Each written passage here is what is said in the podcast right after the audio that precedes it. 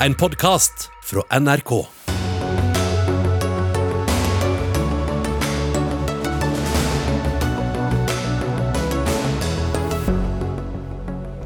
Vi ble beskyldt av mediene for å ødelegge debatten om innvandring og integrering da vi ytret oss etter 22.07, sier Utøya-overlevende. I dag beklager Dagens Næringsliv på lederplass. Unge som søker seg til universitet og høyskoler må bli behandlet likt uten eksamensresultater, mener forsker. Det blir urettferdig uansett, svarer forsknings- og høyere utdanningsminister. 600 000 mennesker risikerer å bli utestengt fra den digitale hverdagen fordi de mangler digital kompetanse. Og i dag ble nok en milliardær skutt ut i verdensrommet. Dette markerer starten på en ny tid hvor mennesker kommer til å bo og arbeide i rommet, sier romfartsformidler. Ja, velkommen til Dagsnytt 18 denne tirsdagen, der vi også skal snakke om rovdyrpolitikk og samordna opptak. Jeg heter Anne Katrine Førli. Vi skal først snakke om samfunnsdebatten etter terrorangrepene 22.07. for ti år siden. På den politiske scenen har trollene fått plass i solen, mens AUF har måttet holde seg inne.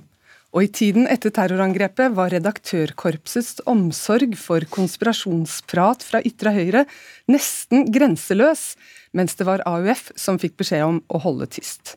Ja, Det skriver du i boka Utøya-kortet, Snorre Valen, forfatter og ansvarlig redaktør i Trønderdebatt. På hvilken måte ble AUF-erne kneblet?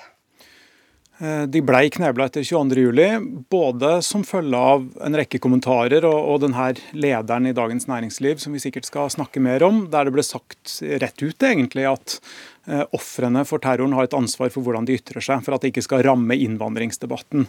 Og Det var litt stemninga høsten 2011, eh, kort tid etter at Eskil Pedersen og AUF prøvde å reise en debatt om de farlige tankene og ideene som lå bak terroren. Eh, så, så, var debatten over, og det var en som følge av at mange av de ledende stemmene i norsk samfunnsdebatt enten direkte eller indirekte ba AUF om å, om å dempe seg. Og Det er jo både et angrep på AUF sin ytringsfrihet, det er veldig vondt for de som ble ramma og ikke kunne ytre seg.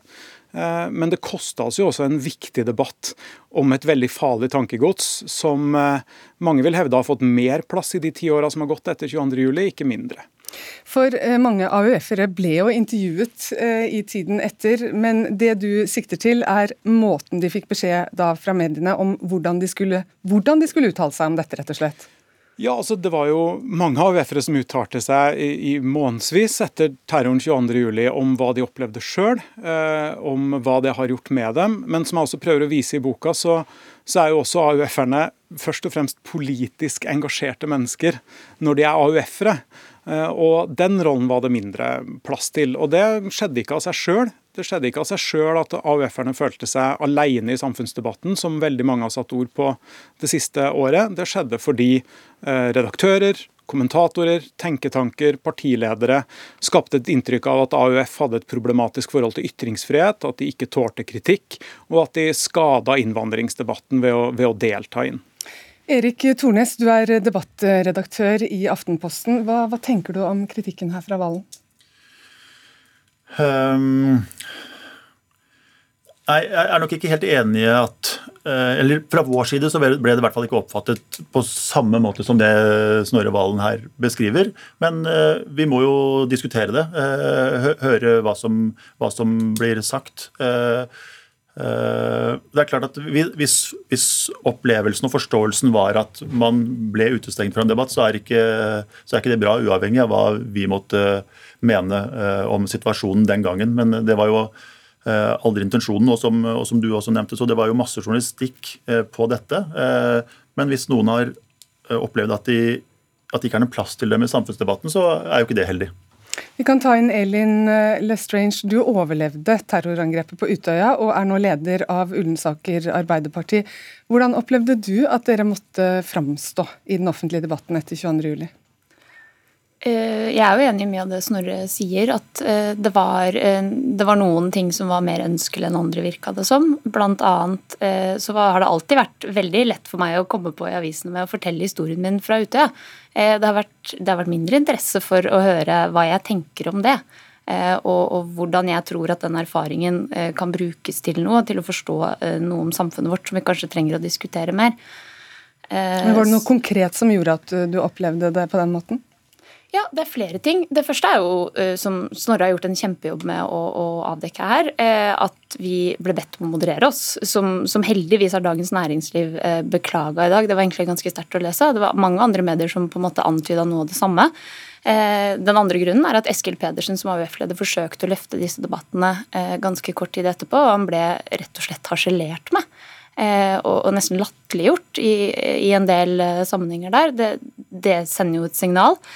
Eh, den tredje grunnen er at eh, det har vært veldig mye lagt til rette for at eh, relativt ekstreme ytringer skal komme mer fram, og på en måte troll sprekker i sola og alt det der. Jeg opplever i mindre grad har blitt stilt disse spørsmålene.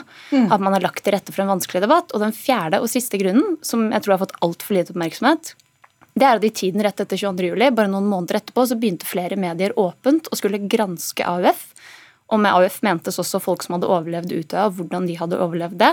Samtidig som vi visste at samtlige mediehus i Norge satt på veldig mye materiale fra etterforskningen. Det ble publisert utdrag fra folks avhør. For min del så bidro det til at jeg ikke Eh, syns det virka trygt å stikke meg fram i den offentlige debatten, for jeg var redd for konsekvensen av det. Mm.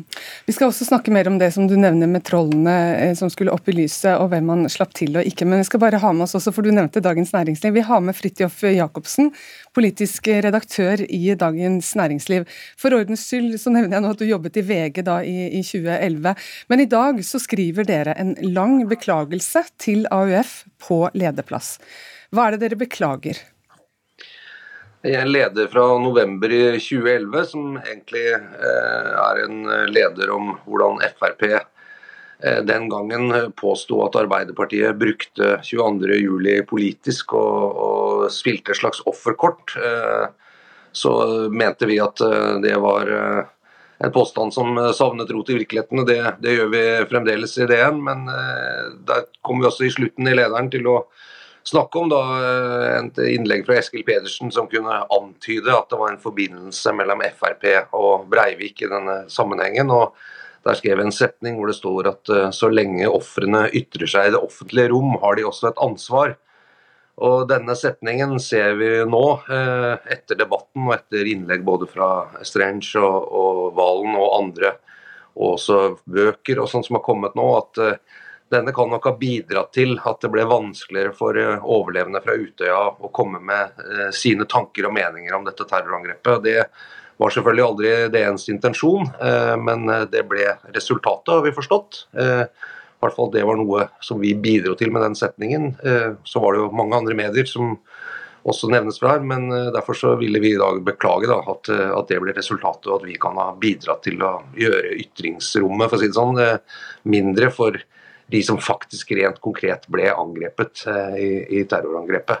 Mens andre eh, nok ikke opplevde den typen begrensning eller, eller krav til ansvarlighet. og det, det, ser vi nå at det var feil. og Derfor så syns vi det var ryddig i dag å beklage denne setningen, og, og at det ble resultatet. Strange, hva betyr denne beklagelsen for samfunnsdebatten og for dere i AUF?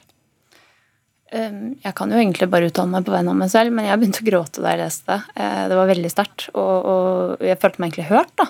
Eh, så det, var, det var, veldig veldig, veldig sterkt, og jeg setter veldig pris på det. Så, så, gjør jo ikke det noe med de siste ti årene, på en måte. Eh, og fortsatt har vi kommet for kort i mange av disse debattene, men det er jo hvert fall, det viser jo en vilje til å eh, lære av sine feil, da, og skjønne at noe kanskje ble feil, og kanskje ble opplevd på en annen måte enn man mente det. Erik Tornes, det er jo også ting dere har skrevet som AUF eh, reagerer på på samme måte. Eh, har dere tenkt gjennom disse tingene, dere har gått gjennom sakene og, og kommet til å beklage noe? Altså, der er det jo øh, Denne debatten er det vanskeligste som har vært de siste ti årene. Uh, og nå har vi fått uh, noe kritikk de siste dagene, uh, og det går vi gjennom. prøver å høre på de som er kritiske til oss, få mest mulig informasjon om hva, hva er det hva er det de er kritiske til, hører på dem. Og så diskuterer vi. Hatt mye diskusjoner i dag i Aftenposten. Og så, og så diskuterer vi litt videre. Så vi har ikke, vi har ikke landet noe, noe der. Også, men det har jo også vært selvsagt artik enkeltartikler og, og, sånt underveis, som vi har diskutert underveis også. Så. Lestrange, hva mener du han bør beklage? Det tror jeg ikke jeg skal svare på akkurat live nå. Da, da lar vi den ligge, og så kommer vi tilbake til den. Eh, Snorre Valen, du var også inne, vi var inne om det du snakket om, at trollene og eh, konspirasjonsprat fra ytre høyre eh, har fått veldig mye plass. Eh, hvem er disse trollene, eh, og hvem er det som har gitt de plass i solen? Hvis jeg navngir trollene, så er du nødt til å svare at de er ikke her til å forsvare seg. Så jeg tror jeg skal svare litt generelt at mange ganske radikale stemmer har fått mye plass i landets debattreaksjoner de siste ti åra. Og Når det kritiseres, så blir det veldig fort en diskusjon om ytringsfrihet. Men det som er viktig, er jo at de debattreaksjonene som er så viktige av at alle stemmer hele tida skal slippe til, forstår motivasjonen de ulike aktørene har for å slippe til. Og Ytre høyre spesielt har en, en, en, spesiell strategi som går ut på å suge til seg det som er av luft i en debatt, få så mye oppmerksomhet som mulig, og ikke minst få stille i de store debattstudioene for å få legitimitet til sine langt mer ekstreme budskap i egne kanaler. Og Der syns jeg både Aftenposten, NRK, mange medier har hatt et litt sånn naivt og ugjennomtenkt forhold til ytre høyre i tida som har gått etter, eh, etter 22.07. Og en litt sånn utdatert tro på at det beste argumentet alltid vinner. Det AUF prøvde å gjøre etter 22.07, var jo å vise til at hvilke tanker som surrer rundt oss i offentligheten, påvirke hvordan vi sjøl tenker, og i siste instans hva vi kan være villige til å gjøre. Det var det ikke stemning for å diskutere etter 22.07. Tvert imot så skrev debattredaktøren i, i Aftenposten den 19.4.2012 at det så mørkt ut en stund, men heldigvis er nå samfunnsdebatten eh, frikjent for delskyld. Og Det synes jeg er en veldig sånn skråsikker holdning å ha. Sånn var det i store deler av redaktørkorpset etter 22.07. At det var i hvert fall ikke noe galt med Norge, og ingen av oss trengte å gå i oss sjøl. Nå ti år etter så bør vi klare å gjøre det. Ja, For det første så er det, jo, det er jo beskrevet masse journalistikk om dette. Eh, så det er ikke sånn at det ikke har vært noen, noen ting om det. Det har vært uh, mye. Uh, og til det Val, Snorre Valen sier om ytringsfrihet, så er det sånn Vi, vi begrunner aldri publisering verken av debattinnlegg eller kronikker eller journalistikk med, med ytringsfrihet. alle i Norge har ytringsfrihet, så da, da ville det jo blitt veldig trangt om plassen. Eh, det er jo redaksjonelle vurderinger av, eh, er det redaksjonelt interessant på en eller annen måte. Eh, og så er det jo i mange tilfeller, for å nevne det, så er det jo noen av disse som, som, jeg, som jeg, tror Valen sikter til, skriver jo debattinnlegg som, som tilsvar. Altså at de er blitt kritisert i Aftenposten, og har da også en rett til å svare for seg i Aftenposten. Der, der er presseetikken klar, og den, den må vi forholde oss til. Mm. Ja, for, for, Valen, Det er noe med også å, å la, la, folk slippe til, og ikke minst også verdien av at vi faktisk har en fellesarena der alle får diskutere sammen, uavhengig av hva man mener. Og ikke minst at man kan da konfrontere meninger med fakta og, og den type ting. Mister vi ikke den hvis vi, hvis vi ikke gjør, lar de slippe til? Jo, det stemmer det. Men en ting AUF har vært litt for alene om å påpeke i åra som har gått i det siste, er jo at ytre høyre ikke opererer på den måten. Det er ingen på ytre høyre som blir flau om de blir tatt i løgn, eller om de blir faktasjekka. Det er ikke sånn at Steve Bannon, da han var på besøk i Bergen, eh, syntes det var ubehagelig å få spørsmål. Eh, så det handler om å forstå hvorfor ytre høyre opptrer i den mainstream samfunnsdebatten. AUF har opplevd den aller verste enden av ytre høyres tankegods og hva det kan føre til. Eh, og vi skylder AUF å lytte mer til deres politiske refleksjoner rundt det her i åra som kommer. Fridtjof Jacobsen, eh, hva tenker du rundt denne diskusjonen rundt at ytringsfriheten eh, har blitt dratt for langt, som Snorre Valen tar til orde for? Det er vanskelig å si om ytringsfriheten har dratt for langt. Jeg tror Det sentrale for, for meg, da, i hvert fall det ene i denne sammenhengen, var at en gruppe som jeg mener helt åpenbart eh, ikke man burde hørt, og det har vært helt eh, rett og rimelig at den, de som faktisk ble angrepet og faktisk var på Utøya, at hvordan de eh, ikke bare opplevde terrorangrepet konkret, men hva de mener om det, hva som ligger bak det, hva de mener var de bakenforliggende årsakene, og hva de mener burde gjøres i samfunnet etter det, det er en stemme som som jeg, jeg, mener Moralsk så har man selvfølgelig en plikt til å høre det. og Det, det å prøve å, å, si at den måtte man være forsiktig med å ytre seg av respekt for et slags sånn eh, nasjonalt uh, samhold eller en, en, tilstand som skulle være konstruktiv, det, det, det, går an å forstå det høsten 2011, at man så det. og Boken til Halvard Notaker har jo vist at dette var tanker som, uh, som, også var til stede høyt oppe i Arbeiderpartiets ledelse. At det var viktig at ikke Norge på en måte raknet politisk som følge av dette. men men når kostnaden da ble at en, en gruppe som var eh, av de som var absolutt mest direkte berørt av dette, opplevde at ikke de kunne få si det de ville om det de hadde opplevd, så ble det feil. og Det, det, jo, det synes jeg da eh, Da har man ikke på en måte reell ytringsfrihet. og Man kan ikke bruke liksom, ytringsfrihetsargumenter for å be akkurat den gruppen, altså AUF og overlevende fra Utøya, om å besinne seg. Det, og dermed liksom, i realiteten frata dem den ytringsfriheten man ønsker å innrømme andre. Det tror jeg blir galt. og Det er, er derfor vi har Eh, eh, tatt fatt i akkurat den setningen som kunne leses på den måten. Det var selvfølgelig ikke meningen eh, at det skulle bli oppfattet slik da vi skrev det, men vi ser jo nå at det ble det. og da, da kunne vi like gjerne beklage det, syns jeg. Det var riktig å beklage det.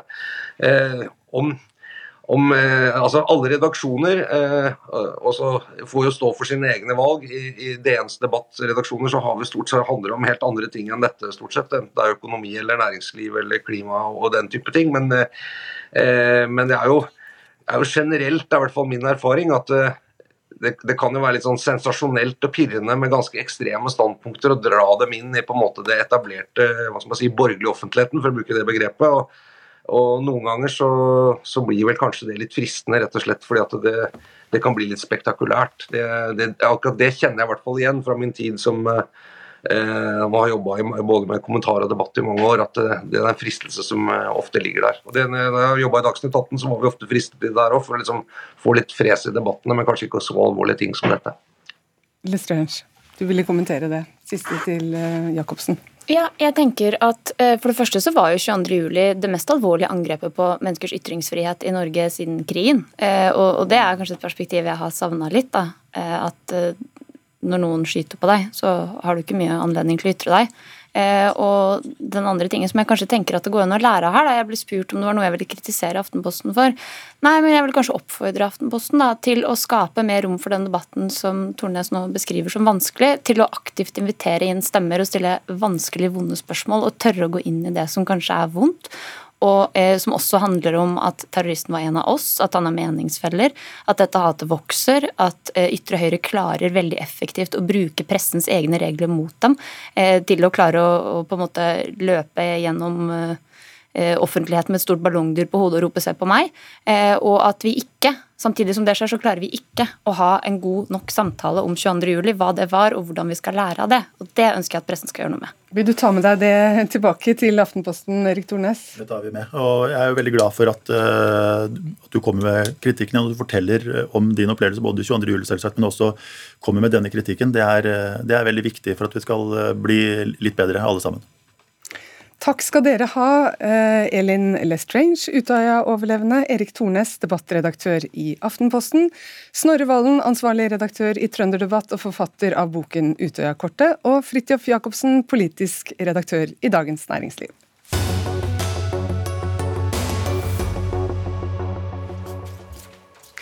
I dag er dagen for beskjeden som mange unge har ventet på, om de har kommet inn på det studiet de ønsker seg.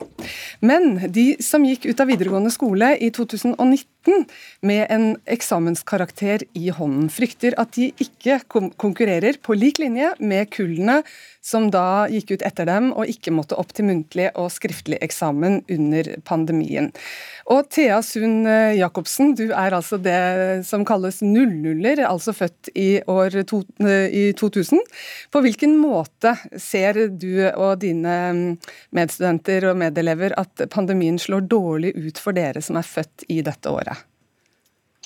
Ja, hei. Eh, det er jo slik at eh, til enhver tid så er det tre kull da, som konkurrerer innen denne førstegangskvoten om studieplasser. Og dette er den kvote du kan konkurrere i inntil tre år da du er ferdig på videregående. Eh, og per dags dato så er det da årets og fjorårets avgangskull, og så da mitt 2019-kull som konkurrerer innen denne kvoten. Og Det er da to av tre kull som søker uten sine eksamenskarakterer, hvor det da er vanlig å gå noe ned, som da åpenbart eh, påvirker karaktersnittet ditt og hvilke eh, studier du kan komme på videre. da. Så eksamen ble jo da avlyst i fjor, den ble avlyst i år. og det vil si at 2019-kullet, som da jeg er en del av, er det eneste kullet som står da med sine fulle eksamenskarakterer på vitnemålet og konkurrerer innen denne førstegangskvoten. da. Ja, nå må vi legge til at Du har kommet inn på jusstudiet i Oslo til våren. Men, men hva, hva, tenker du da at eh, eh, forsknings- og høyere utdanningsminister, som vi nå skal, snart skal få inn her, burde gjøre da med denne problemstillingen? Ja, jeg tenker jo først og fremst Det er viktig å si at eh, koronapandemien har rammet eh, omtrent alle på en eller annen måte. og Dette med studiet det er en veldig kompleks problemstilling, men den er også veldig prinsipiell. Rett og slett fordi det strider ekstremt mot rettferdighetssansen, det at man skal konkurrere på ulike vilkår. Jeg mener at Kunnskapsdepartementet ikke strakk seg langt nok for å tilstrebe at ingen kull står igjen som åpenbare tapere. da. Eh, så har det blitt løftet frem ulike forslag, bl.a. å stryke eksamenskarakterer til tidligere avgangskull, eller dele opp førstegangskvoten slik at man kun konkurrerer med sitt eget avgangskull. Eh, og så er det det Kunnskapsdepartementet omsider landet på, så var en generell økning i antall studieplasser, som jeg ikke er spesielt imponert over. Jeg mener at dette ikke er et målrettet tiltak på noen måte, eh, som nødvendigvis, gode, som nødvendigvis vil tilgodekomme alle de tre kullene som konkurrerer innen førstegangskvoten. da. Ja, Du kan få si dette her nå, eller du har sagt det nå, direkte til ja. Henrik Asheim, forsknings- og høyere utdanningsminister eh, i Norge. Vil du mm, gjøre noe av dette som eh, Thea Sund Jacobsen her foreslår? Nei, det hadde vært for sent å gjøre noe med nå uansett. Men vi vurderte alle disse eksemplene som Sund Jacobsen nevner her eh, i januar, februar, mars. Eh, altså rett og slett eh, For å se hvordan de ulike modellene ville slå ut. Og Det vi gjorde var både å ha et møte faktisk med den ja, aksjonistgruppen eh, man kanskje kan kalle det, som Sint Jacobsen var en del av. Vi hadde møte med Elevorganisasjonen, vi hadde møte med Norsk studentorganisasjon. Og så ba vi Unit, som er de som organiserer samordna opptak, om å kjøre modeller rett og slett inn i sitt datasystem med de ulike eh, måtene å, å endre opptaket på i så fall. Og det vi så, det var at uansett hvilken modell vi valgte, så ville noen komme veldig urettferdig og dårlig ut av det. F.eks. hvis vi fjernet eksamenskarakteren for de i 2019, så vil jo det bety at de som faktisk gikk opp på eksamen, og det er en del som gjør det òg, da vil de miste den eksamenskarakteren og kanskje ikke komme inn på studiet de hadde jobbet for å komme inn på. Så Derfor så landet vi ned på at det mest rettferdige var helt riktig å opprette flere studieplasser. Det gjorde vi høsten 2020, det gjør vi også høsten 2021. Eh, og så ellers kjøre opptaket normalt, og slik at det ikke blir forsinkelser i opptak. Hva sier du til det, Sunn Jacobsen? Uh, ja, jeg, har, eh, jeg, var så heldig å få delta på et digitalt møte med ASEAN for et par måneder siden, hvor jeg faktisk fikk uh, presentert et annet forslag. Ikke dette med strykeeksamenskarakterer, men å dele kvoten. Men nettopp dette med å øremerke de nye studieplassene til spesifikke kull i førstegangskvoten. Jeg ble dessverre ikke hørt, men jeg mener at det ville vært hensiktsmessig nettopp fordi at når man rett og slett pøser ut en hel del nye studieplasser, så er det jo åpenbart de med høyest karaktersnitt, som også vil oppta disse nyopprettede studieplassene. Og jeg mener at det her hele problematikken ligger, for man kan ikke sammenligne karaktersnittene til de tre seneste avgangskullene som har gått ut fra videregående. Eh, og det er i stor grad fjorårets og årets eh, avgangskull som står sterkest karaktermessig. Avlyst eksamen har vært en, eh, en årsak som har bidratt til dette. Så de står stort sett da sterkere karaktermessig enn 2019-kullet. Og Da mener jeg at vi har en veldig åpenbar taper i førstegangskvoten i år, dessverre, og det er 2019-kullet. Eh, så jeg skulle jo veldig gjerne ønske meg at disse nye studieplassene kunne blitt øremerket. Så jeg lurer jo egentlig på hvorfor de ikke kunne blitt det. Altså, ja, det er både fordi de, Vi har først ikke pøst ut 4000 studieplasser. Vi har tildelt dem veldig målrettet på noen av de utdanningene vi vet er mest populære. F.eks. medisin, på sykepleier. Vi har også opprettet flere på teknologi eller på rettsvitenskap, der hvor eh, du nå har kommet inn. Men det andre er selvfølgelig at uansett hvordan vi da fordeler disse tingene, så ville da noen andre kommet dårlig ut. Og så må jeg bare få si at jeg syns det blir litt urettferdig mot de som akkurat denne sommeren gikk ut av videregående skole og si at de er på en måte gullkullet i norsk eh, skole. Det er de på ingen måte. Vi vet heller ikke hvordan snittet deres faktisk til slutt ble seende ut. For de har fått en veldig ulik undervisning rundt om i landet ut fra smittesituasjonen. Og selv om de kanskje ikke hadde skriftlig eksamen, så betyr ikke det at undervisningen deres har vært spesielt god overalt. Så, så jeg mener at tross alt, uansett hvor man trykker på dette svære systemet som innbefatter flere hundre tusen mennesker, så vil man oppleve at noen kommer urettferdig ut. og Da er det mest rettferdig å rett og slett beholde den opptaket vi har, men opprette flere studieplasser. Ja, Ser du ikke det, Thea Sund Jacobsen, at eh, det har vært et vanskelig år for eh, de som gikk ut, altså 20-kullet og 21-kullet har hatt en, eh, en, ganske vanskelig periode på, på, på videregående, og at det ville være urettferdig for dem igjen hvis man gjorde det motsatt?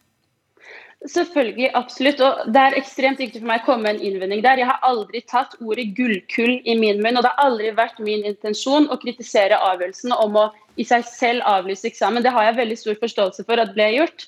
Eh, det jeg hele tiden har ment å kritisere, er det at det ikke har eh, blitt kommet med noen målrettede tiltak for å bøte på de åpenbare skjevhetene som oppstår som følge av dette. Jeg prøver på ingen måte å angripe verken fjorårets eller årets avgangskull. Jeg forstår at det har vært utfordrende.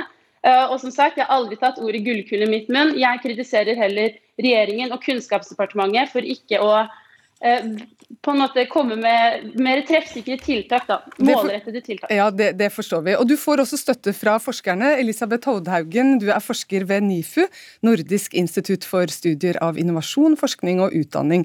Og, og du støtter eh, Thea Sund Jacobsen i hennes poenger her. Hvorfor ja. det? Altså, I forhold til førstegangsvitnemålskvota, som er det vi snakker om nå. Eh, det er jo to, to kvoter i eh, opptaket til høyere utdanning. Og i denne førstegangsvitnemålskvota så er det bare tre kull, de under 22, som kan konkurrere. Så hvis du går ut eh, av videregående til vanlig tid, så har du tre eh, år på deg å konkurrere der. Eh, der er det hensikten at det skal være mest mulig likt. Man bare konkurrerer med de karakterene man har oppnådd i, eh, i videregående, og eventuelle bonuspoeng for realfag og, og språk. Men eh, det som skjer nå, som eh, Thea har helt rett i, er jo at det blir en ulikhet mellom kullene. For vi har ett kull med eksamenskarakter og to kull uten. Så de mangler da fem karakterer som de andre har. Og eh, eftersom man oftest går ned, og dette er viktigst for de som går, skal inn på eh, studier med høye eh, opptakspoeng, der det er stor konkurranse. For hvis du hadde en høy eh, eller en god karakter, så er sjansen for å gå ned på eksamen mye større. For vi, regression to the mean, eller, ja. Vi har ikke sånn veldig mye tid her nå, men hva er litt kort, hva er, hva er løsningen her, sånn eh, du ser det som forsker? Jeg ville ha sagt at det lureste å gjøre hadde vært å trekke ut eh, eksamenskarakterene for det eldste kullet, altså 2000-kullet. Derfor at dette problemet går ikke sin vei. Dette problemet vil være der det til enhver tid tre kull. Neste Neste år får vi innført igjen, sannsynligvis har vi ikke korona, da kan vi ha eksamen. Da går 2003-kullet eh, ut. De vil ha eksamenskarakterer på sitt vitnemål, mens 2001 og 2002 ikke har det. Det vil nok 2003-kullet oppleve som veldig urettferdig. Henrik Asheim, dette problemet forsvinner ikke. Hva gjør du med det? Nei, nettopp. og Det er derfor jeg mener at det mest riktige er å kjøre opptaket som normalt. og jeg tror at det er veldig lett, altså, og Dette opplevde vi og vi gikk jo inn i dette veldig grundig. Eh, så er det lett å se på dette som bare et Excel-ark eller prosenter, men bak de tallene så er det 60 000 individer. Og Jeg syns det er veldig krevende å skulle fortelle en som gikk ut av videregående skole i 2019, som jobbet hardt, gikk opp i karakter og derfor kommer nå inn på studiet de har søkt på, at vi nuller den eksamen for det kom en pandemi året etter at du gikk ut. Slik at slik vil det hele tiden være når det blir sånn som det har vært nå, som er en unntakstilstand, så vil du alltid finne den type eksempler. og Derfor mener jeg det riktige er å stå på det opptaket som vi har nå, opprette flere studieplasser på de mest populære studiene. Eh, og så skulle vi selvfølgelig ønske at man kunne hatt eksamen alle sammen, men det var ikke mulig i en pandemi. Jeg tenker at dette er et problem i forhold til tilliten i systemet. Eh, norsk, Opptakssystemet i Norge har en veldig høy tillit sammenlignet med andre land. Den blir nå eh, rokket ved ved at man ikke eh, håndterer dette på en, en, riktig måte ved å ta bort eksamenskarakteren. Og noe sier meg at vi kommer tilbake til denne saken senere. Takk skal dere ha, Elisabeth Hovdehaugen, forsker ved NIFU, Henrik Asheim, forsknings- og høyere utdanningsminister, og Thea Sund Jacobsen, student og 2000-kull.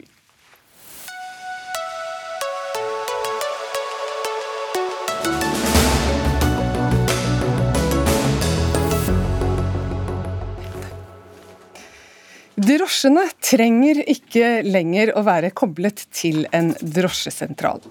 Og det er blitt færre krav til løyvehaverne, eh, derimot flere til sjåførene, og ingen grenser for hvor mange drosjeløyver en eh, fylkeskommune kan gi ut. Det er altså drosjereformen som ble innført i fjor. Men Bjørnar Skjæran, dette vil dere fjerne i løpet av de 100 første dagene dersom dere kommer i, i regjering eh, etter valget. Hvorfor endre dette med en gang? Det er fordi at dette eh, setter en hel næring i spill. Eh, vi ser allerede at det er overetablering i byene, og vi ser òg en, en, stor fare for at i distriktene så vil et, et viktig beredskap rett og slett bli satt under press. Så dette er politikk som går i feil retning, som vi ikke har hørt noen begrunnelse for hvorfor man gjennomfører, og som vi mener at vi må få gjort noe med så raskt som mulig. Ja, Ingelin Noresjø, eh, statssekretær i Samferdselsdepartementet. Dere står jo bak denne endringen. F.eks. Norges Taxiforbund mener at denne er ikke bra for deres medlemmer. Eh, vil dere ikke høre på dem?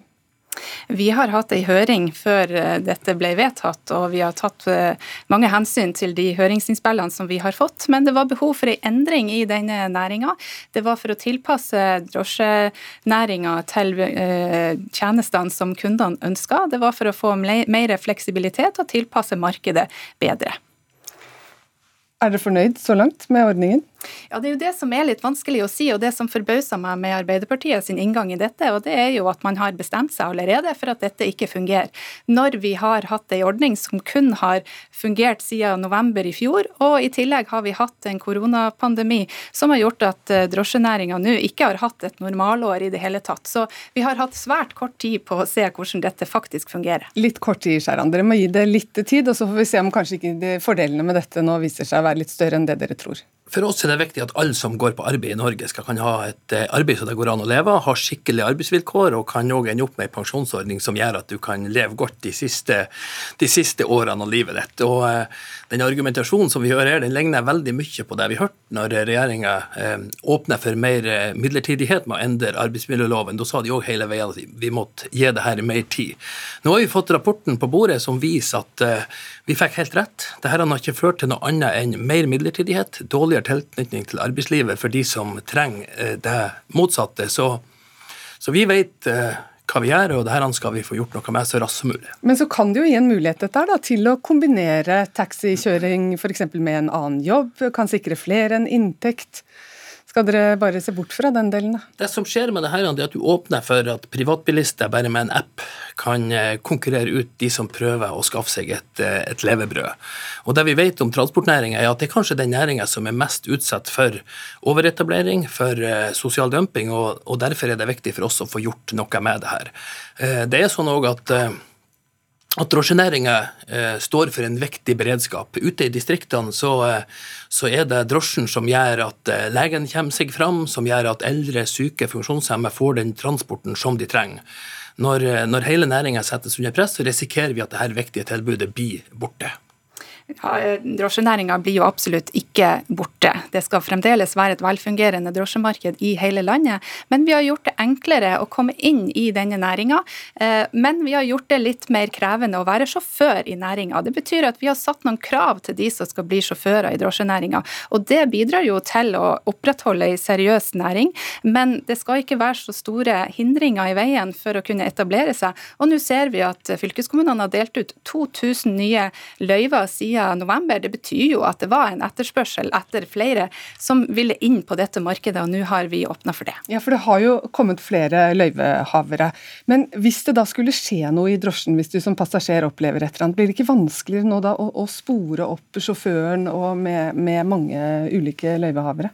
Hver eneste tur eh, i en drosje skal loggføres. og Det betyr at man skal kunne vise hvor man har kjørt og hvor man har vært hen til enhver tid. Kan man ikke det, så bryter man denne loven. Eh, og Det er jo opp til da Statens vegvesen, det er politiet og skattemyndighetene som skal følge opp drosjenæringa.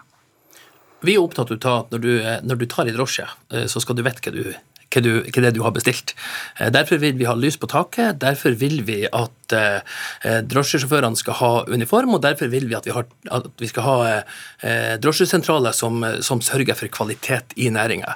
Det, det Noresjø har fått, fått arve her, er jo et ideologisk eksperiment fra sin forgjenger i Fremskrittspartiet. og Jeg ser jo at de bar dem og hanskes med det, men det her har vi ingen tro på. Og igjen, politikk er jo til for å løse problemer. Vi har ikke for å skape nye problemer. Derfor kommer vi til å ta et oppgjør med det her hvis vi får et nytt flertall. Du må få oss til å skjønne Hvorfor er fleksibiliteten så bra eh, for en næring som drosjenæringen? Ja, Transportsystemet er stadig vekk i endring. Vi ser jo nå at kundene krever fleksibilitet. Man krever å kunne sammenligne priser. Man krever det å, å, kunne ha eh, apper som man bruker for å bestille en tjeneste, for å betale en tjeneste. Og den teknologiske utviklinga, innovasjon, modernisering, det må til også i denne næringa. Det vi ser Arbeiderpartiet og Senterpartiet bl.a. vil gjøre, det er jo å prøve å skvise inn eh, tannpastaen som vi nå har klemt ut av tuben. Det kan vise seg å bli en vanskelig øvelse. Klarer du det? Ja, Vi hører at de vil gjøre det så vanskelig som eh, mulig for oss, men det er jo ikke sånn at det ikke går an å ha en teknologisk utvikling uh, uten å sette en hel bransje i fare. Så for oss er det viktig at folk som går på arbeid i Norge, skal ha skikkelige arbeidsvilkår. og Derfor ønsker vi å reversere denne endringa, som er etter våre syn helt meningsløs. I løpet av de 100 første dagene, dersom dere får mulighet. Takk skal dere ha, Bjørnar Skjæran, nestleder i Arbeiderpartiet, Ingelin Noresjø, statssekretær i Samferdselsdepartementet.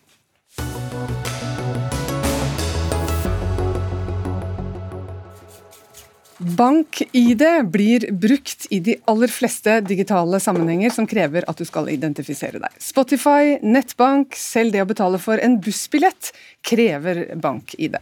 Men det er flere som sliter med dette, og blant annet så får ikke mennesker med nedsatt funksjonsevne lenger tilgang til bank-ID. Heller ikke vergen deres får eh, denne tilgangen. Og Håvard Ravn Ottesen, nestleder i Norges eh, Handikapforbund. Hva er årsaken til at flere av dine medlemmer nå er utestengt fra å kunne delta i denne digitale hverdagen?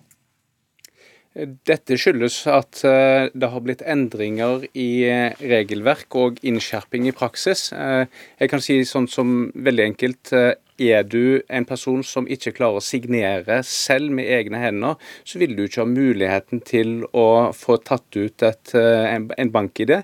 Du mister muligheten til, eh, sånn som i Oslo i dag, 28 grader. Du hadde hatt muligheten til Jeg kunne sendt min åtte år gamle datter, eh, som fikk sitt første bankkort, eh, bort til en brusautomat og tatt ut så mye brus hun hadde orka. Derimot Ola 18 som uh, har en funksjonsnedsettelse, han er avstengt fra den muligheten. Han får ikke et kredittkort, han får ikke muligheten til å betale med VIPS på mobilen. Og Da betyr det at han blir satt utafor det samfunnet som alle andre tar del i. Uh, jeg opplever jo denne praksisen som svært diskriminerende. Uh, det er ca. 42 000 mennesker som er voksne og er under en vergemålsordning. En god del av de har en funksjonsnedsettelse, og en god del av de blir stengt ute fra det som folk flest ser som selvsagt i dag. Men det har ikke alltid vært på denne måten her. Hvordan var det tidligere? Tidligere så var det jo muligheter ofte til å ha en kontantbetaling. I Koronaen har jo gjort at eh, i dag eh, setter du ned på en restaurant, så er det bestilling via app, eh, betaling via VIPS, eller at du har oppgjør der og da med at du må identifisere deg med bank-ID. Og Det betyr i praksis at mennesker som har funksjonsnedsettelse, ikke har muligheten til å være der alle andre. Det er ganske segregerende. Ja, Pål Chaffey, statssekretær i Kommunal- og moderniseringsdepartementet. Det er ganske segregerende. Hva sier du til det? Nei, jeg er veldig enig i denne virkelighetsbeskrivelsen. Uh, og så er det viktig å, viktig å si at uh, denne EID-infrastrukturen uh, som er bygget opp, og hvor private leverandører, bl.a. BankID, har vært med på å bygge det opp, har vært en suksess for de aller fleste. Og det har gjort at vi har vært, blitt et av de mest digitaliserte landene i verden, også når det gjelder offentlige tjenester. Eh, og eh, det har gjort, særlig i koronasiden, at eh, bruken har eksplodert, rett og slett. Og da blir det jo ekstra problematisk når noen, noen er holdt utenfor. Og det, jeg, kanskje Hvis jeg får lov å dele problemstillingen i to For det er, det er på en måte to problemer han beskriver her. Det. det ene er EID-er som brukes når det gjelder offentlige tjenester på et veldig høyt sikkerhetsnivå. Eh, der er bank-ID på dette høye sikkerhetsnivået. og Har man ikke bank-ID, så har man ikke til, man har tilgang til de fleste uh, offentlige tjenester med noe som heter Min ID, som er utstedt av det offentlige. Eh, men der må vi sørge for at det kommer en annen løsning på det samme høye sikkerhetsnivået, som gjør at man får tilgang til helseopplysninger, Nav osv. Ting på dette høye Men vil sikkerhetsnivået. Det, vil det da kunne hjelpe medlemmene da til Ottesen her? Da vil han få tilgang til de uh, opplysningene. Og andre som er i samme situasjon. Uh, barn under 15 år, utlendinger i Norge uten, uh, uten norsk fødselsnummer. Men det andre er det han beskriver med betal, sånn småbetalinger og, og, og, og det som foregår i hverdagen hverdagen, og hvor jeg egentlig syns det er litt underlig at de som tar betalt eller krever en, en, en autentisering, legger seg på et sånt eh, bank-ID-nivå. For det fins andre måter å betale digitalt på eh, også og som ikke har de samme eh, så skyhøye sikkerhetskrav. Eh, og jeg tenker Når Norge åpner opp igjen, eh, og man må ha bank-ID for å betale bussbillett f.eks., så vil vi jo oppleve at turister som kommer til Norge, heller ikke da får gjort opp for seg digitalt. Så her tenker jeg en, en, en, en god prat, og gjerne sammen i samarbeid med Norges Handikapforbund, er en god idé for å, for å for... få de også til å forstå at det er ganske dårlig for businessen deres om, om busser eller kulturarrangementer eller mm. underholdningstilbud på en måte ikke uh, men, kan brukes av alle. Men Sier du nå at dere da som ansvarlig departement på dette området her vil legge en plan for det, sånn at uh, de som driver da med bank-ID, alle disse andre tjenestene da vil måtte endre på dette punktet? Ja, er det det, det er det jeg sier. Og jeg sier at vi jobber med en, en strategi for EID e-ID til alle når det gjelder bruk av de offentlige tjenester. Eh, når det gjelder disse måtte, private tjenestene og kjøp av billetter og den type ting, så krever jo det også et samarbeid selvfølgelig med, med, med privat sektor. Og noe kan nok løses gjennom krav og reguleringer, men, men først og fremst så handler det jo om å Eh, på en måte tilrettelegge sånn at kundene, alle typer kunder får en, en, en, god opplevelse og får tilgang til tjenestene. Hva sier du til dette, Ottesen? Eh, altså, nå har jeg veldig lyst til å arrestere Kjaffi en del her, fordi eh, dette her handler om hvordan en har tenkt det grunnleggende designet. Eh, Norge skal i utgangspunktet være universelt utforma. Folk tror at det handler om størrelser på skrift og fargevalg på tekniske løsninger, men det handler om det grunnleggende, om hvordan dette er. I dag har det offentlige gått inn og Eh, lagt seg på et nivå hvor han skal du kommunisere med Nav, som vår gruppe i stor grad eh, må gjøre. De er storforbrukere av tjenester, så må du ha en bank-ID for å kunne sende melding. Og det er du avskjerma fra. Det betyr at du får et parallellsamfunn hvor du er papirbasert, du må sendes inn i analoge ting, og ting tar fryktelig lang tid. Koronasertifikatet kan du nå få hvis du sender inn søknad med masse papirer, og det tar kanskje inntil en måned før du har muligheten til å kunne reise ut av landet. Og Det er ikke noe som folk flest og nordmenn ville akseptert hvis det er et fint vær en dag og en har lyst til å dra til harryhandel til Sverige når det er muligheter for sånt.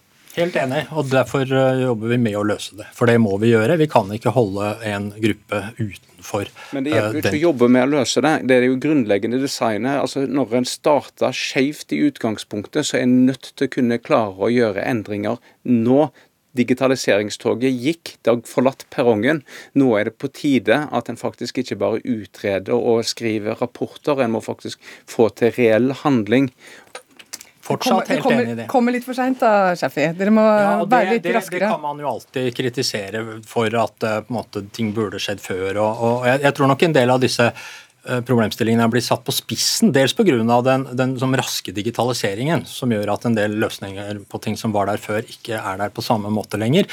Uh, og så er det jo også sånn, og dere var inne på det innledningsvis, at strenge sikkerhetskrav og det at du ikke skal dele ut ID-en din til andre, Eh, for det er ikke noen god idé. Kan, stille krav til litt andre type. Ja.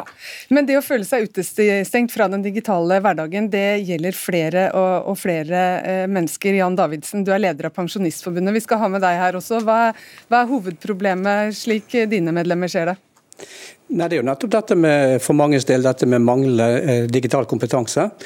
Og det andre er det å stikke fingeren i jorden og innse det at noen kommer alltid til å være analog, og vil da trenge andre løsninger for å unngå å oppleve utenforskap på, på den løpende hverdagen som, eh, som vi andre klarer å håndtere.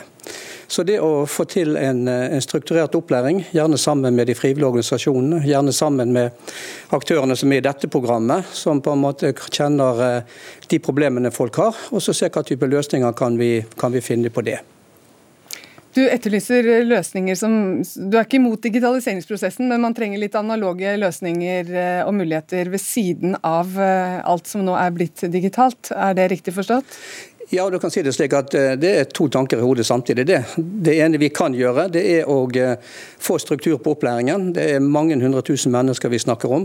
Og Vi har heldigvis et eh, samarbeid med regjeringen om fått midler av de til noe vi kaller for datastua, som er et samarbeid vi har med Seniornett, som går på bl.a. Å, å sørge for at vi i den enkelte kommune ute har et sted hvor folk kan få opplæring av likemenn. Kanskje kunne få råd når du lurer på et eller annet. Og det andre er nettopp det som går på de analoge løsningene. For eh, det vil alltid være folk som eh, ikke klarer å henge med på, på disse systemene her, og da eh, vil de trenge da andre typer løsninger. Ja, Shaffi, Hva gjør dere nå i regjeringen for å hindre at stadig flere da blir utestengt fra den digitale hverdagen her? Ja, Davidsen beskrev jo godt noe av dette. Altså, vi, vi, samarbeider om å utstyre de som på en måte er nærmest disse brukerne, som trenger et lavterskeltilbud, trenger hjelp til å komme i gang.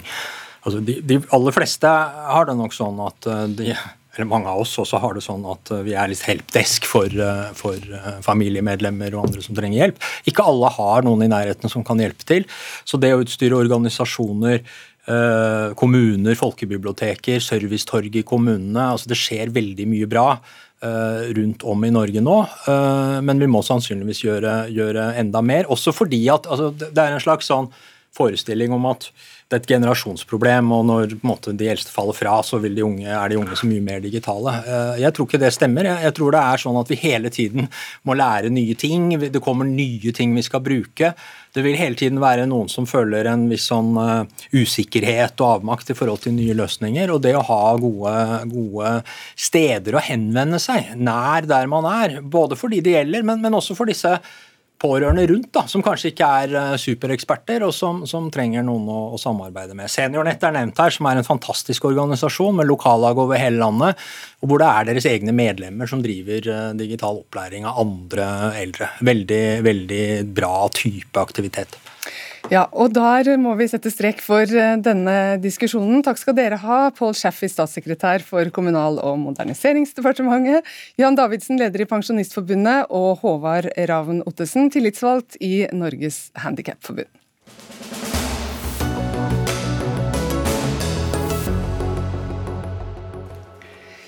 Det har vært eh, travle dager for milliardærer med et ønske om å dra ut i verdensrommet. For ni dager siden var Richard Branson på tur i verdensrommet, og i dag gjennomførte verdens rikeste mann Jeff Bezos eh, grunnleggeren av den første sivile pilotløse romreisen, da sammen med, med tre andre. Og etter ti minutter så landet de med fallskjerm i ørkenen. Og Anne Mette Sandnes, romfartsformidler og forfatter, hvordan vil du beskrive det som skjer i dag? Eh, hele denne måneden har vært veldig spesiell. i måte. For ni dager siden så, så, gjorde altså Virgin Galactic noe av det samme, bare med et helt annerledes fartøy. Men det handler jo om romturisme, og ni dager etterpå så skjer altså dette i dag med Blue Origin og Jeff Bezos. Eh, og det var utrolig viktig at begge var vellykket. Siden den første var det, hadde ikke den siste vært det, så hadde det på en måte tatt Tar vi bare mikrofonen din litt lenger ja. bort her, hvis det bråker litt nå, det går over. Så sånn. hadde, lyden, så, så hadde på en måte det tatt litt luven av det første veldig vellykket. Så dette er en enorm måned. Nå har liksom romturisme som har lagt i dvale litt lenge. liksom Man har gått og ventet, og ikke alle har trodd at det faktisk skjer.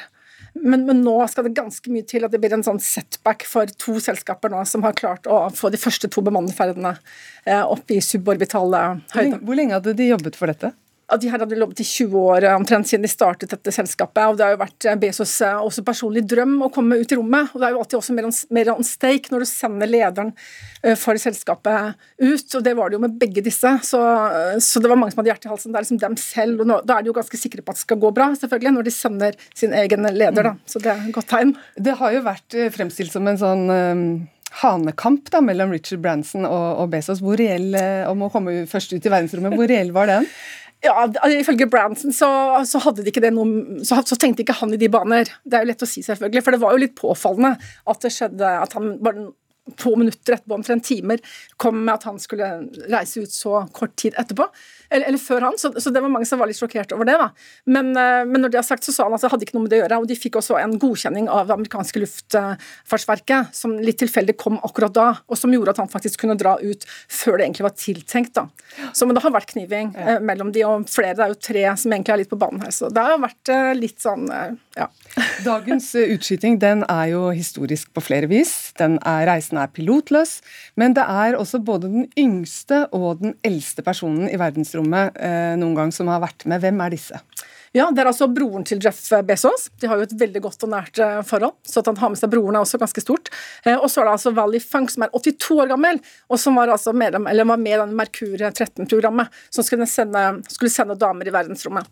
Og det ble det altså da ingenting av. Eh, og hun er kanskje en av de mest kvalifiserte som finnes over 19 000 flytimer. og hun har vel trent 3000 til å bli piloter. Hun, hun sier selv Eh, at hun har Hvis du kan finne et kurs som det amerikanske luftfartstilsynet tilbyr, og ikke hun har det, så det vil ikke skje. Altså Hun har alt. Hun har altså oppholdt seg i en sånn stor slags eh, moderne da, boks i ti timer, eh, som har en enorm styrke psykisk. ikke sant? Så Hun har oppfylt alle krav og overgått mange menn som hun den gangen eh, jobbet sammen med på en måte i disse, i disse programmene opp igjennom tidene. da. Så Det var stort, og veldig stort av Bezos at han klarte å at han visste så mye, rom, mye om romfartshistorien at han faktisk valgte denne damen, som jo ble enormt glad når hun fikk det. Og så var det noen igjen. Ja, en på bare 18 år. Eh, det var jo et, det var en budrunde, så det var 28 eh, millioner eh, en person som faktisk bød det. Men av en eller annen veldig mystisk grunn som veldig mange lurer på, så trakk han seg for at logistikken gikk ikke opp den dagen. så det er litt spesielt, da. Det er litt morsom greia. Men så var det nummer to som skulle være med neste bemannede ferd. Han ble da spurt, og da valgte han å sende sønnen sin fra Holland, da, som heter Oliver. Så da skal du ha god grunn da, for å droppe å bli med på den. Du skal det. Så det er veldig mange som lurer på hva er grunnen var. Du sier at dette her nå er et godt skritt nærmere romturismen. Ikke så bra for klimaet, vil mange si, men på hvilken måte ikke, er det det? Ikke alltid det. Fordi det kommer litt an på hvor, hvor, du slipper ut forskjellige ting, om det er i atmosfæren, over atmosfæren. Eh, så en av de er kanskje litt bedre enn de andre, men det er ikke alltid at alt som skjer i rommet er forurensende. Men på hvilken måte er dette et skritt nærmere turismen i rommet, som, som du ser at vi kommer til å få det framover? Eh, ja, det er to selskaper som altså har lykkes med dette nå. Eh, og Det betyr jo at det skal ganske mye til for at det ikke nå blir romturisme. Det kommer til å bli dyrt. Eh, I hvert fall 2,5 millioner norske å bli med på en tur. Men etter hvert så kommer de prisene selvfølgelig til å gå ned, så det må man bare på en måte finne seg litt i.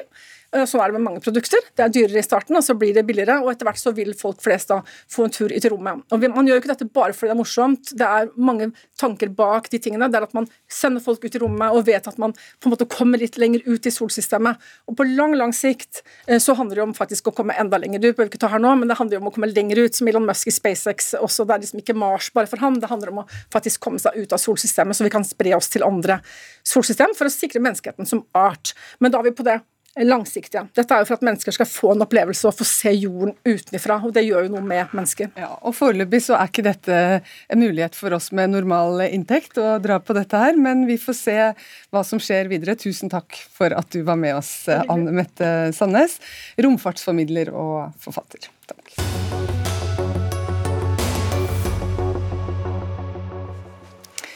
Hittil i år er det blitt felt ni bjørner i Norge. Av eh, disse eh, er tre av totalt sju registrerte bjørner i Troms felt, etter at flere beitedyr er eh, blitt angrepet. Og 2. Mm, juli søkte Bardu kommune i Troms om fellingstillatelse på den fjerde bjørnen som skal ha angrepet sau. Og i går ble den innvilget, 16 dager etter at søknaden kom. Sandra Borch, stortingsrepresentant for Senterpartiet. Du må jo være fornøyd nå da, med det Rotevatn har gjort? Han har gitt den fjerde fellingstillatelsen i Troms? Det Rotevatn har gjort, er jo at han etter massivt press eh, fra bønder og, og politikere nå har eh, har gitt fellingstillatelse, men prosessen dit har jo vært utrolig lang. Og det har jo ikke bare vært i år. Det har jo, dette har jo pågått over flere år. Hvor statsråden og regjeringa ikke har fulgt opp eh, det rovviltforliket et samlet, nesten samla storting står bak. Og det sier klart og tydelig at i beiteprioriterte områder Så om det kommer rovdyr inn der som utgjør potensiell skade eller gjør skade, så skal de tas ut raskt og effektivt. Det har ikke skjedd i denne saken. Her har vi opplevd en forvaltning og en stat som har trenert søknader for skadefelling. Nå er det også oppstått en situasjon i Nord-Trøndelag, i Snåsa, hvor plutselig eh, statsråden har utvida området for, for, bjørn til å også gjelde beiteprioriterte områder, fordi han mener at det er viktig å ta, ta vare på eh, bjørn i beiteprioriterte områder. Og Det er stikk i strid med rovviltforliket som Stortinget har vedtatt. Vi tar det som et eh, stikkord direkte til Sveinung Rotevatn, klima- og miljøminister fra Venstre. Um, vi fikk mange til inntrykk av at du først ikke ville innvelge felling på en fjerde bjørn, eh, men eh, nå har den altså kommet. Hvorfor eh, har dere gitt denne tillatelsen? Fordi det dessverre var en fortsatt tapssituasjon i Indre Troms, der det stadig ble tatt sau. Og vi så dessverre ikke noen andre gode alternativ enn å gi nok et fellingsløyve på bjørn i det området. Men grunnen til at det er en vanskelig beslutning å ta, er jo rett og slett at i Troms er altså registrert totalt sju bjørn. Vi har allerede felt tre i sommer. Og Om jeg da skal i løyve til å felle en fjerde, det er en ganske krevende beslutning. All den tid vi har langt færre bjørn i Norge enn det Stortinget har vedtatt at vi skal ha. Da vil det sitte langt i nye fellingsløyver til nye, men vi gjør det når vi ser at det er en alvorlig skadesituasjon, og at vi ikke finne andre tiltak som kan stoppe den skadesituasjonen. Eh, og Dette er alltid krevende beslutninger å ta, fordi at vi skal ivareta to hensyn på en gang. Vi skal ha livskraftige beitenæringer i Norge, og så skal vi ha levedyktige rovdyrbestander. Også av bjørn. Vi har totalt 150 bjørn i Norge. og det er at Da må vi føre en ansvarlig forvaltning, fordi rovdyr er en del av norsk natur, selv om Senterpartiet dessverre veldig sjelden anerkjenner det.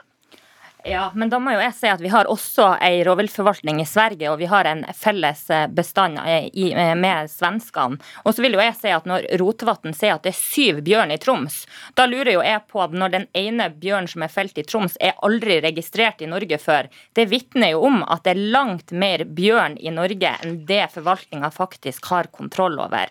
Og det mange bønder, familier, nå sitter og føler på, er jo at de blir overstyrt og overkjørt av staten og forvaltninga. Men vi, gjør, vi gjør en telling her i, i Norge, og det er bare sju som foreløpig er registrert? Ja, men det stemmer jo ikke. Fordi at Når man har felt en bjørn i Troms nå, og man ikke har registrert den i Norge før, så vitner jo det om at det er langt flere bjørn mm. enn det man har kontroll på. Og Det sier jo også beitebrukerne, også representanter fra SNO som er ute og registrerer eh, både bjørneskit og hårprøver, at det er langt mer bjørn enn det eh, forvaltninga har kontroll over. Og nå må nå må eh, snart denne regjeringa begynne å følge opp rovviltforliket. I beiteprioriterte områder så skal det ikke være rovdyr. Da skal staten enten skyte de, eller flytte de til et område eh, som er prioritert til bjørn. Og Det er jo det vi opplever nå, at forvaltninga ikke har handlekraft til å gjøre. Men det slår også fast, dette rovdyrsforliket som du nevner, at vi skal ha rovdyr i,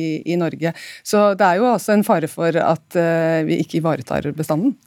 Det står at vi skal ha rovdyr i det som er rovdyrprioriterte områder.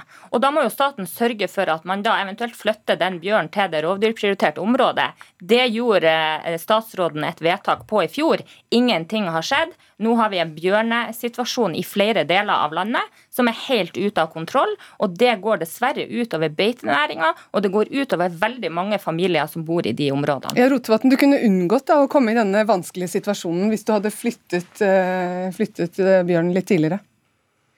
Jo, men Den bjørnen ble flytta, og jeg skal fortelle dere at den flytta seg helt sjøl. Den gikk på egen fri vilje tilbake til det området der den hadde i, som var i rovdyrprioritert område.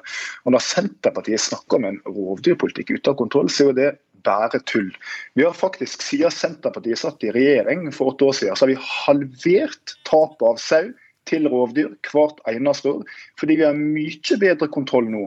Slik at vi unngår de store skadene som var helt vanlige mens Senterpartiet satt og styrte denne politikken. Og vi klarer det samtidig som vi opprettholder rovdyrstammer i Norge. Og det er klart Når vi har en situasjon der det var totalt sju bjørn i Troms, som hadde skutt tre, og jeg har gitt løyve på å skyte en fjerde, så det er en vanskelig beslutning å ta. Men det er jo eh, formodninger mot seg når Senterpartiet sier at vi ikke gir fellingsløyve. Vi gjør jo det når situasjonen er alvorlig nok. Men jeg har til nå aldri hørt Sandra Borch eh, snakke om en bjørn som hun ikke er for å felle, en ulveflokk hun ikke er for å ta ut. Men det er ikke politikken som denne regjeringa styrer etter, eller som Stortinget har bestemt. For Stortinget har bestemt at vi skal ha levedyktige rovdyrstammer i Norge. og Da må vi klare å ivareta begge de to hensynene på en gang. Men heldigvis så peker tallet i riktig retning, fordi vi fører en vellykka politikk. Og Det har ikke gått ei uke mens jeg har vært statsråd, at Sander Borch ikke har beskyldt meg for å bryte rovviltforliket. Men merkelig nok så er ikke Stortinget enig med om. Da må jeg avbryte deg dessverre. Sveinung Rotevatn, takk skal du ha, klima- og miljøminister, og Sandra Borch, stortingsrepresentant for Senterpartiet. Vi takker for oss, uh, Siri Finne Moen, Eli Kyrkjebø og Anne Katrine Førli. du har hørt en podkast fra NRK. Hør flere podkaster og din favorittkanal i appen NRK Radio.